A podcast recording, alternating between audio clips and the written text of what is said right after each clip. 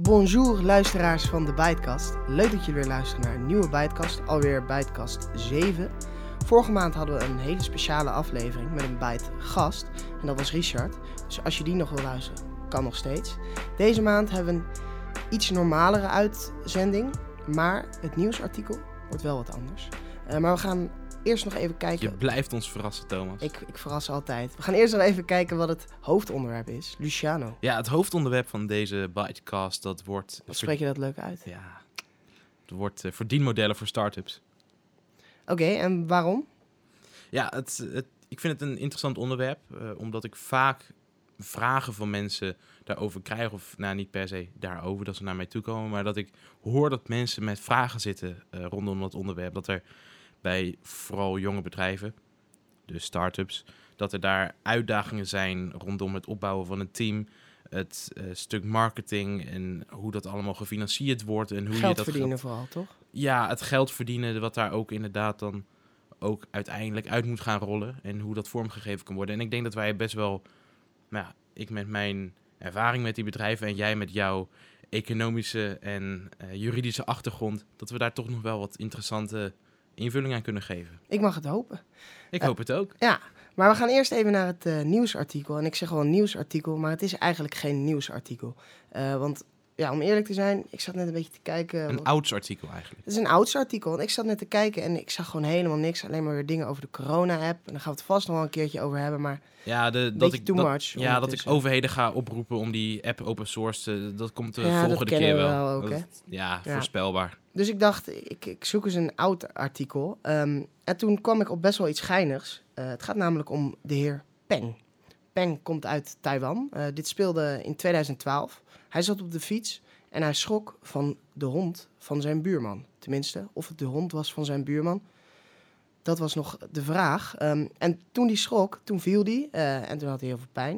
En dat is natuurlijk vrij tragisch. Maar het gaat er vervolgens om, uh, om de rechtszaak. Want wat heeft de rechter gedaan? De vraag was, is het de hond van de buurman? De rechter ging naar Google Street View, wat toen net uit was gekomen volgens mij. En toen zag hij op Google Street View de hond van de buurman loslopen. En de buurman had gezegd, ja, mijn hond loopt nooit los, dus kan mijn hond niet zijn. Nou ja, dus wel, want op Google Street View zag hij dat dat de hond was van de buurman. En toen is de buurman veroordeeld. En dat is dus de eerste keer dat uh, Google Street View uh, ja, is gebruikt bij, uh, bij rechtspraak. Dus voor de rechter was dat, ja, woog dat zwaar genoeg om ja. de man te veroordelen? Ja, nou ja, op zich, uh, ja, het, het, klopt. Dus ja, waarom zou je het niet gebruiken? Ja, van mijn hond loopt nooit los. Oh nee, kijk eens op Google Street View. En... Hij loopt wel los, ja. Nou ja, goed argument. Maar daarin zie je dus wel, uh, dit was acht jaar geleden, maar het is natuurlijk allemaal nog meer veranderd. Maar ja, hoe ons leven toch wel een beetje verandert door technologie. Ik weet nog dat die, dat die auto van Google, dat die door de straat uh, foto's aan maken was. En ik was buiten aan het spelen en uh, dat vonden we allemaal heel gaaf.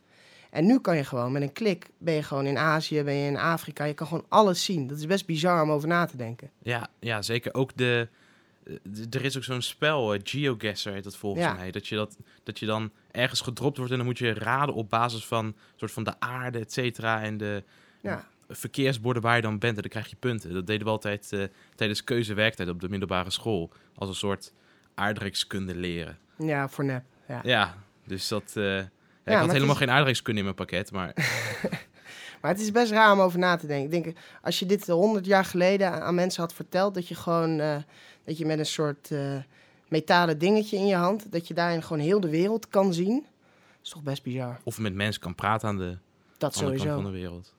Nou ja, dat eh, leek me dus wel leuk om even bij stil te staan. En dan gaan we nu naar het hoofdonderwerp. En dat hoofdonderwerp is, zoals we net al even zeiden, het geld verdienen met een start-up. Ten eerste, wat is een start-up? Is dat gewoon een beginnend bedrijf? Of Ja, het is moeilijk om te definiëren wat precies een start-up is. Iedereen heeft eigenlijk ongeveer dan?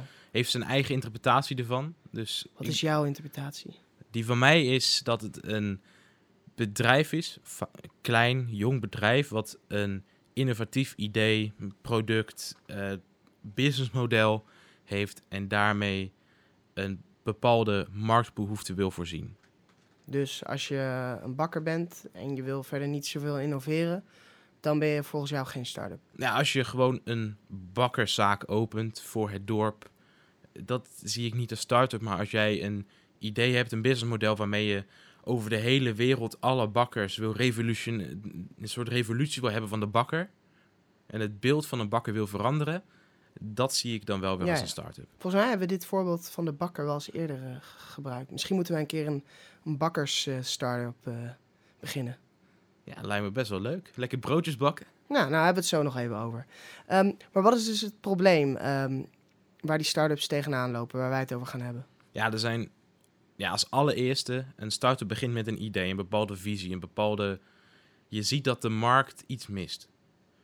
En vanuit die noodzaak begin je een start-up. En dan is je eerste stap marktonderzoek. Hebben we al een keer een, eh, al zeg ik het zelf, best wel leuke podcastaflevering over opgenomen. Dus gaan we nu niet weer eh, opnieuw op in.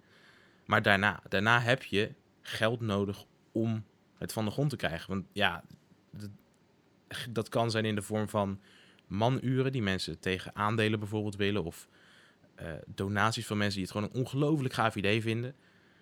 Of nou, mensen die zien, ik zie hier potentie in, dit gaat geld opleveren. Ik steek er nu drie ton in en over een paar jaar krijg ik er 10 mil uit. Nou, er zijn heel veel vormen. En dat is dan de tweede stap op financieel gebied. En daarna, zodra het product er is, dan, dan moet er inderdaad geld verdiend gaan worden. En dat zijn ja, drie fasen. De eerste hebben we al in de vorige podcastaflevering gehad. En die, die laatste twee die ik net heb benoemd, daar kunnen we, het, eh, kunnen we zo wat verder op ingaan. Oké, nou laten we dat meteen doen. Die tweede stap, het vinden van startkapitaal. Hoe doe je dat? Ja, er zijn heel veel manieren waarop je kapitaal kan vergaren in, in, het, in de start van je onderneming. Mhm. Alleen laten we ja, de meest voorkomende maar behandelen en niet het hele lijstje afgaan. Ja, dat werkt beter. Ja, denk het ook. En ja, de, degene waar je sowieso het meeste over hoort, dat is het aanhaken van een investeerder. Iemand met een zak geld, een venture capitalist. Een, ja, er zijn bedrijven die investeren, er zijn mensen die geloven in een idee en daarom investeren. Eh, er zijn bedrijven ook die je daarbij kunnen helpen bij het vinden van een eh, juiste investeerder. En dat is natuurlijk de, dat is heel gaaf als jong bedrijf. En dan kom je, kom je aan met, we hebben een investering van 3 miljoen. Dat is echt heel gaaf natuurlijk. Dat is wat je bij eh, Dragon's Den... eh, Dat is inderdaad de Dragons Den. Dat is eh, Ja. dit soort investeerders inderdaad. En een tweede, misschien wat minder flashy manier, dat is het aanvragen van een innovatielening bij Rabobank. Dat is niet per se een, een dit is niet gesponsord door Rabobank, moeten we er even bij zeggen. Maar het, eh, ik weet van Rabobank dat zij die lening hebben. Misschien zijn er ook wel andere banken. Maar wat is dan het verschil met een normale lening?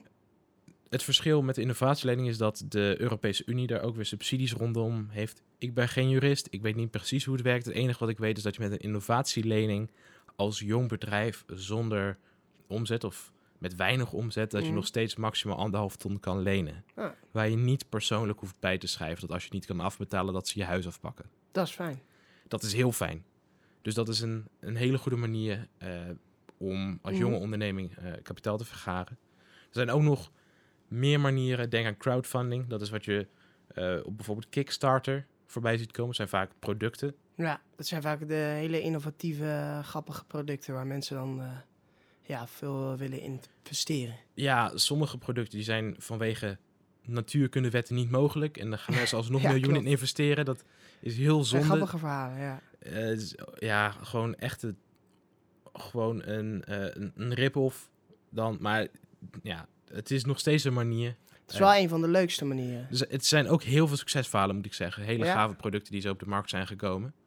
Wat ook een optie is, en dat is er eentje waar ja, ik zelf wat morele bezwaren eh, rondom heb. Dat is, het, eh, dat is het geld lenen van familie en vrienden. Ja, ja. Het is, er zijn ook succesverhalen van mensen die op die manier zijn gestart. Als je een, eh, een, een rijke oom of tante hebt die, eh, die toch te veel eh, heeft, ja, Kan altijd, ja. Oké, als je ook al een, een huis hebt gekregen en een Lamborghini, ja, waarom dan niet nog een paar ton voor een bedrijf? Oké, maar voor de meeste mensen Niet denk ik- optimaal. denk ik niet dat het. het En je eigen geld. is. Kan natuurlijk ook. Dat is inderdaad degene die, ja, dat, dat zou mijn voorkeur hebben. Dat is ook hoe Bytecode is gestart. En dat Maar is, is dat dan niet alleen weggelegd voor de, voor de rijke, rijke mensen? mm, ja, Jeroen en ik zijn gestart als twee scholieren. Ja, Terwijl we werkten bij de Jumbo. En wij hebben geen rijke papi en mami die eh, voor ons alles Nee. betaalden. maar hoe, hoe heb je dat dan gedaan? Ja, dat is een... Gaan we weer een beetje terug richting het marktonderzoek... waar ik begon over scratch your own itch, eh, krap je eigen jeukje. Maakt niet uit hoe je het wil noemen. En daar komt het eigenlijk weer op neer van eh, scratch your own itch. En dan wil ik daaraan toevoegen, het liefst met je eigen geld. Dus bedenk een innovatief idee eh, waarvan je weet dat er, een, dat er vraag naar is. En doe het met je eigen geld. Maar hoe heb je dat dan gedaan? Heb je er heel veel voor moeten sparen of viel het mee? Ja, wij zijn gaandeweg, eh bij het starten van Bytecode hebben we omzet gemaakt. We zijn zo snel mogelijk gingen wij naar het genereren van omzet toe. En er zijn ook bedrijven die heel klein begonnen. Eh, Je neemt, maakt een heel klein product, je gaat zo snel mogelijk, ga je omzet genereren. En met de omzet die je genereert, dat stop je weer terug in je bedrijf. Ja. Maar dat, dat kan natuurlijk ook niet bij alle soorten, soorten bedrijven. Bedoel, als je echt een product hebt, dan moet je dat dan echt eerst in ja, produceren... waarvoor je allemaal mallen en eh, fa- fabrieksdingen nodig hebt. Ja, bij, bij bedoel, grote... websites maken, dan, dat is nog wat, die kosten zijn wat lager. Ja, stel je wil de, de nieuwe MacBook Killer die nog Ja. dunner is en een langere batterijduur en weet ik. Ja, dat is ongelooflijk complex, want dan zit je tegen bedrijven die meer dan dan een, dan een triljard dollar of zo waard zijn. Ik weet niet wat Vast Apple wel, is. ja. Ja, dat, dan heb je het moeilijk. Maar als je het hebt over vooral techbedrijven eh, in dit geval, of eh, bedrijven die waar je eh, van die kleine geprinte circuitbordjes kan laten maken in China voor 50 cent per stuk. Gewoon, het, het is ja. je hebt echt veel minder geld nodig dan je denkt. En je kan ook veel sneller klaar doen. Je hebt wel een visie van, dit moet een software worden en dit gaat een half miljoen kosten om te ontwikkelen. Maar de allereerste versie daarvan ben je misschien 10.000, 20.000 kwijt.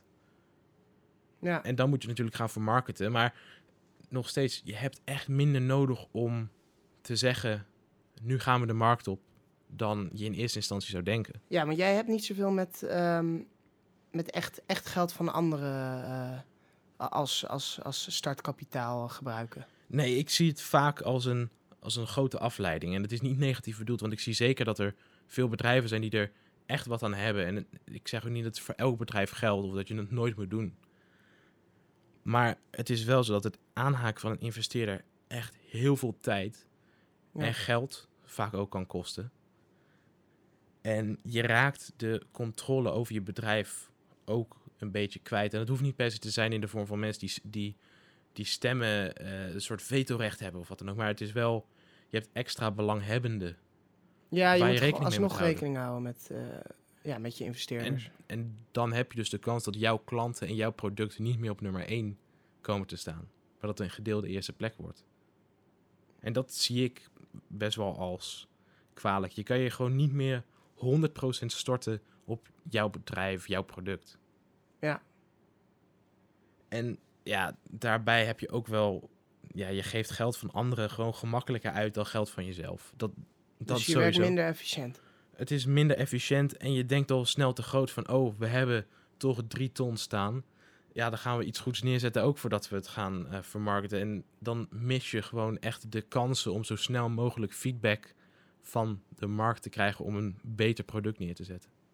Nou, dat, daar kunnen we misschien ook meteen over hebben. Want eh, hoe kan je winst eh, maken als start-up in het begin? En daarmee doe je dan, neem ik aan, op de businessmodellen, Ja. verdienmodellen. Die, oké, ja, daar zijn enorm veel mogelijkheden. En hier gaan we ook weer niet alles doorheen. Dus laten we de meest voorkomende eh, behandelen. Als eerste zijn er twee waar ik ja, zelf, eh, die ik niet aan zou raden. De eerste dat is eh, ad-based werken. Dus dat is met advertenties. Advertenties zijn slecht. ja, adverteren kan een hele goede manier zijn op, op het juiste moment, op de juiste plek. Maar het is zo'n negatieve user experience. Ja. Eh, ik zou het eh, zeker afraden. En je hebt ook een grote afhankelijkheid van de adverterende partij. En ja, het is pas interessant op echt grote schaal. Je krijgt eh, uit mijn hoofd... min- 50 cent per duizend views of zo. Ja, zoiets. Het is echt absurd laag wat je krijgt. Ja. Dus dan moet je nagaan op wat Dan voor moet je schaal. eigenlijk al zijn. Mm, Ja, en dan, en dan ga je mensen boos maken als je ineens advertenties in je app gooit. Ja. Het tweede model wat ik echt zou afraden, dat is het affiliate model. En dan, dat is? dat is als je als jij mensen doorver, eh, doorverwijst naar een ander bedrijf, Ja, ja. dat je dan een dus deel van de opbrengst krijgt. bol.com eh, bijvoorbeeld doet. Ja, bol.com, Amazon is dan ook een ander voorbeeld. En dit is een hele mooie manier als jij een, een contentplatform bent en je, je stuurt mensen door, je, je hebt een boekreview en dan geef je de link, een de affiliate link en dan kan je net even wat extra, Commissietje. ja, weet je wel, gewoon de extra centjes. De, Oké. Maar waarom is het dan niet handig? ja, in die vorm, die, hoe ik het net beschrijf, van net wat extra binnen, dan het is zonde als je het niet doet. Maar waar ik het nu om heb, is als je het als primaire inkomstenbron gebruikt. Als in, jouw app is niks anders dan een app eh, of een service gebouwd op Amazon affiliate links. Ja. En de reden daarom, eh, daarvoor is omdat je ongelooflijk afhankelijk bent, nog meer dan met advertenties. En daar is het ook pas interessant op grote schaal. Ehm, Ik zie wel een thema met, met dingen waar jij een beetje tegen bent, of die je afraadt. Dat zijn vooral dingen waar je afhankelijk bent van eh, andere bedrijven. Ja, bijvoorbeeld wat er ook eh, laatst is gebeurd, uit mijn hoofd een paar maanden geleden, dat, de, dat Amazon eh, opeens met uit mijn hoofd 60% de affiliate commissie eh, had verlaagd. Ja, Volgens mij was het van 9% naar, naar 3. Maar ja, wat je zegt zeker, dat eh, afhankelijk, heel erg afhankelijk zijn van een andere Ja. partij is gewoon niet oké. en wat zou je wel zet, doen? denk ik. Ja, wat een hele interessante manier is, is om een soort marketplace model te hanteren. Dat is denk, aan, denk daarbij aan Amazon, wat daadwerkelijk een marketplace is. Waar je dan elke keer als iets verkocht wordt een percentage krijgt. Eh, je kan ook denken aan Uber, Airbnb. Maar, dus, dus, maar dan link je dus niet door. Dat is het verschil. Dan ben je de, Ja, dan ben je het zo. dan ben je de marketplace. Oké. En een ander voorbeeld zou zijn bijvoorbeeld zijn, andere voorbeelden zouden zijn Uber en Airbnb. Of Uber. Ik weet niet hoe je het Uber. juist uitspreekt. Ik hoor het je zeggen. Die twee zijn hele mooie voorbeelden. Omdat jij de middelman bent. Je Ja. hebt een zoek- en vindplatform. En als mensen een, eh, een huisje willen huren in de bossen van, van Oostenrijk bijvoorbeeld, dan kijken mensen op Airbnb. Ja, dat, dat soort eh, platforms zie je steeds meer opkomen. Dus dan moet je er snel bij zijn. Die zoek- en vindplatformen zijn Ja. echt hele interessante, goede eh, oplossingen. Dan een model waar ik ja, wat minder over te spreken ben. Dat is de Customer Data Monetization. Dat, is, dat kan heel lucratief zijn, maar Even in het Nederlands. eh, de, Consument, data, eh, geld verdienen ermee. eh, ja, als jij dat een Dus je, correcte en fijne vertaling vindt, Je verzamelt informatie van je consumenten en die verkoop je door. daar komt het op neer inderdaad. Je hebt waardevolle informatie en dat verkoop je, dat gebruik je dan voor commerciële doeleinden, bijvoorbeeld te doorverkopen. Ja, naast dat ik als privacy eh, liefhebber, zou ik bijna willen zeggen, Ja? geen fan ben van dat mijn data wordt verkocht en ik het niet ethisch vind, is er ook nog wel een wat pragmatischere reden voor te noemen. Dat is namelijk dat het ongelooflijk risicovol is. Risicovol is. Ja. Eh, denk daarbij aan Facebook en Cambridge Analytica. Nou, je kan ons, eh, ons maandelijks nieuwssegment volgen en dan zie je de, de dataleks elke keer langs, langskomen. Ja, bijvoorbeeld. En dan wordt het gelekt, maar dat soort data kan ook verkocht worden. En ja, dat vind ik persoonlijk niet zo heel nice. Oké. Ja, en natu- natuurlijk is dat wel iets waar mensen zich steeds bewuster van worden. Dus eh, ja, als het dan een keertje fout gaat, dan, eh, dan eh, kan je wel de publieke opinie tegen je krijgen. Ja, dat ook. Dus dat is het risicovolle eraan. Ja. Ja, ik wil... Het, misschien klinkt het een beetje tegenstrijdig, maar je moet ook weer niet te weinig data opslaan. Oh. ja, Dat is leuk om uit jouw Ja, mond te horen. Vertel. Zeker. Eh, ja, ik, ik zeg niet dat je elke actie van, je, van de Maar? gebruikers moet opslaan. Maar je moet wel zorgen dat je kan zien hoe mensen jouw app, in, als je het over een app hebt of een website of een platform, wat dan ook, hoe mensen jouw service, jouw product gebruiken. Ja. Zodat je daaruit kan leren wat de behoefte is. Maar ja, dat is meer ook iets wat anoniem kan, bijvoorbeeld. Dat hoeft niet aan personen gelinkt te Ja. zijn. Oké, eh, volgende manier om geld te verdienen? Ja, dat is een eh, door de app betaald in de App Store te zetten. Als het gaat om een app. Ja, klinkt logisch. Ja, is een... Maar als ik als er een of ander on- onbekend bedrijf met een klein appje is, wat nog nooit gedownload is, en het kost 3 euro, dan ga, ga ik dat natuurlijk niet betalen. Ik zou me niet kunnen voorstellen dat als TikTok eh 1,99 in de App Store was, dat dat dan zo populair Nee. zou zijn nu. Dus dat is misschien iets als je al groot bent als bedrijf, dan werkt dat. Ja, als je al gevestigd bent Ja, en je brengt dan een app uit, denk aan een serviceverlener die dan een app biedt om makkelijker met die service te communiceren. Maar ja, je kan het overwegen. Ja, ik, ik zou het niet aanraden. Misschien is het leuk voor een extra zakcentje, maar oké. wees sceptisch daarover. Dan de volgende, dat is het Razer en Blade model. En dat is wat er bijvoorbeeld met printers en met inkt gebeurt. Dat als je een printer koopt, dan stel je koopt een printer van 200 euro. En daarna zijn al je cartridges leeg. Je hebt vier losse cartridges. En je moet de zwarte, de magenta, de gele en de cyan eh, Ja, vervangen. Dan kan je zomaar 250 euro kwijt zijn aan de inkt. klopt. En dat is het leuke, want dan betaal je dat, want je hebt al de printer. Ja. En dit is iets wat, eh, wat vaak wordt Gillette aangewezen als de eerste. Daarom heet het Razor en Blade. Ja, precies. Want je koopt de Razer Mhm. en daarbij krijg je een gratis blade. En daarna heb je je er een paar keer mee geschoren. Dan heb je geen blades meer, maar wel een Razor. Ja, en dan ga je nieuwe Ja, blades kopen en dan ben je een godsvermogen dus dan kwijt. kunnen ze die, eh, die Razor wat goedkoper maken en dan eh, Ja, die, en die blades eh, duur. ja, dat, Dat zag je ook met PlayStation. Die, ja, inderdaad.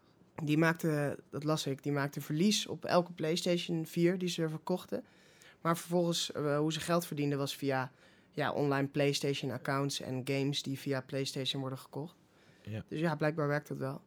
Ja, dat is inderdaad een, ook weer een heel mooi voorbeeld van hoe je dat kan toepassen. Ja, Dan om eh, in de trant van games te blijven, oh, leuk. eh, heb je ook add-ons die je kan verkopen. Denk dan aan de Fortnite muntjes, de FIFA muntjes, Ja. de extra's die mensen dan, ja, die, die, Ja, dat is echt geld eh aftroggelerij.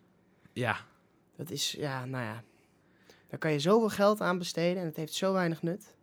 ja, het ligt eraan. Het is maar waar je, als je de waarde ervan inziet. Het is maar hoe je nut definieert, dat is waar. Maar dit, die dingen zijn sowieso overpriced.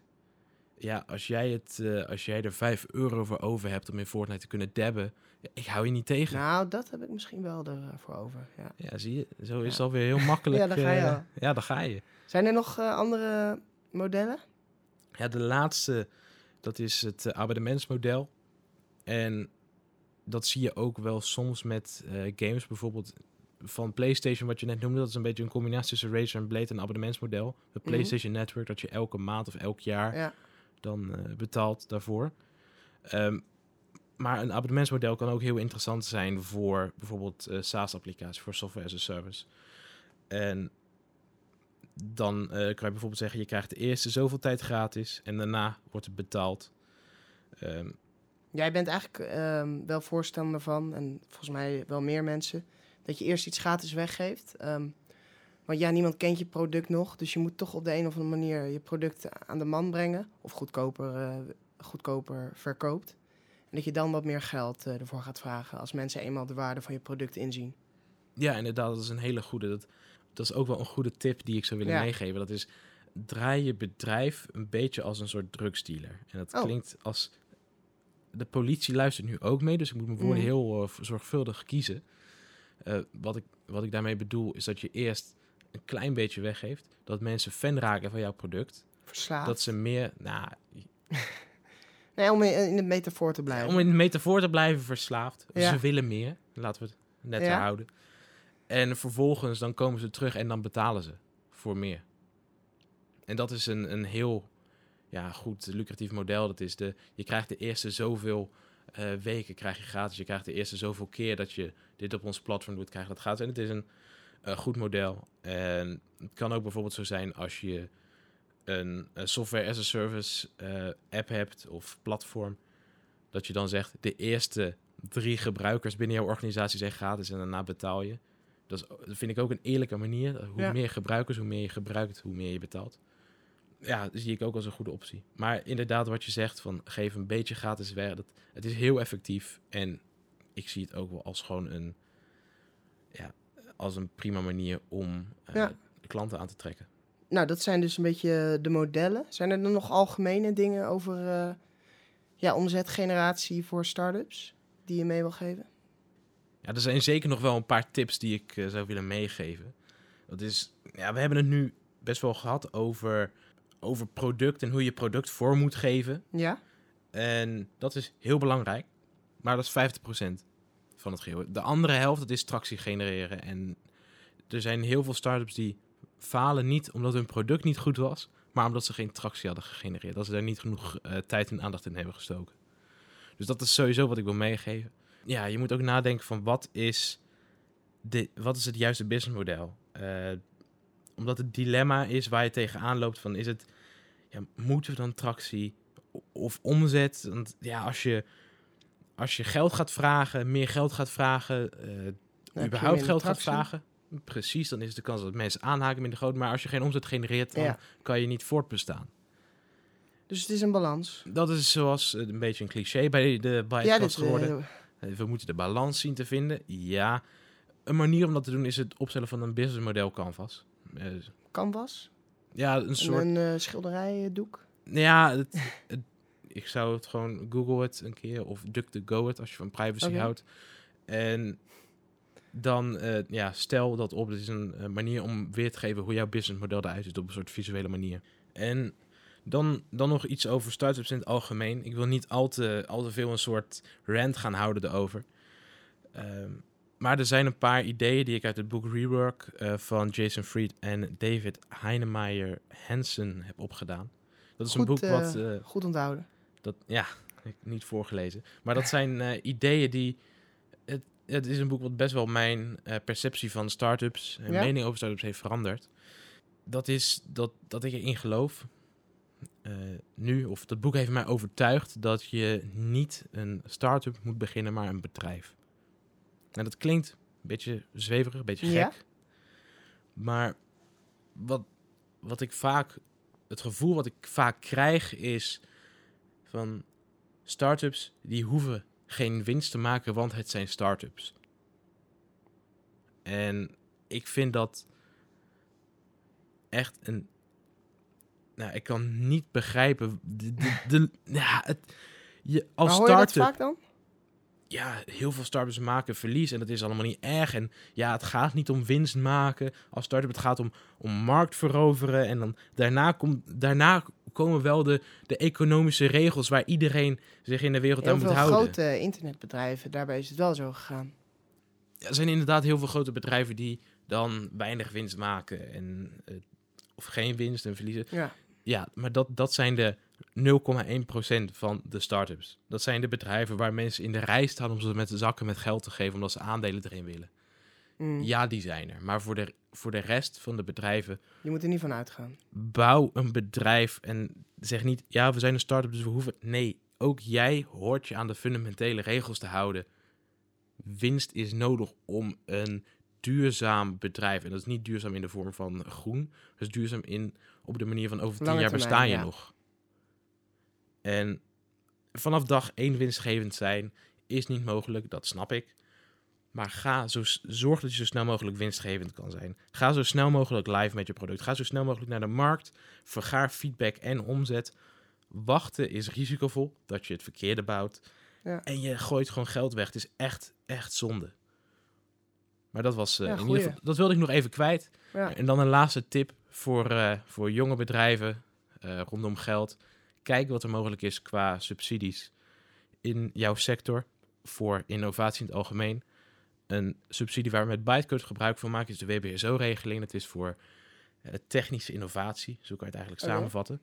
En dat scheelt uit mijn hoofd 15 tot 16 euro per gewerkt uur. Wat we niet aan loonheffing hoeven te betalen. Dat scheelt. Ja, het is, het is natuurlijk ook niet een monsterbedrag. Nou ja, het is wel, het is wel prettig. Het is prettig. En, maar dus even uitzoeken. En bij jonge bedrijven waar geld ja, toch wel wat gelimiteerd is, het kan echt een. Het is zo zonde als je dat geld laat liggen. Dus zoek het ja, uit. Je betaalt toch al belasting. Nou. Ja, in het ergste geval ben je een paar dagen van je tijd kwijt met het uitzoeken. En in het beste geval bespaar je een kwart op je totale kosten. Mm. Dus het, ja. Is het waard? Zeker. Oké. Nou, volgens mij hebben we dan het meeste wel eh, behandeld met betrekking tot start-ups. Dan gaan we denk ik eh, afsluiten. Bedankt voor het luisteren. Deze maand weten we al waar we het volgende maand over gaan hebben? Nee. Nee.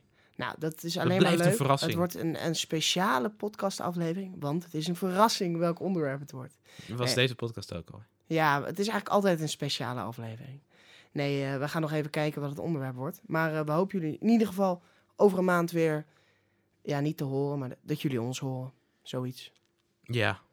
En, en nu volgens mij dan doe je de bekende uitspraak van als elke eerste maandag van de maand het luchtalarm. Ja, ja, als het luchtalarm gaat, dan beginnen wij ook te loeien. Eh, oftewel maandag, puntje, puntje, augustus om 12 uur. En dan kan je dus weer de nieuwe podcast luisteren. Ik kijk er alweer naar uit. Mooi. En dan hebben we nog maar één ding om te zeggen. En dat is... Doei.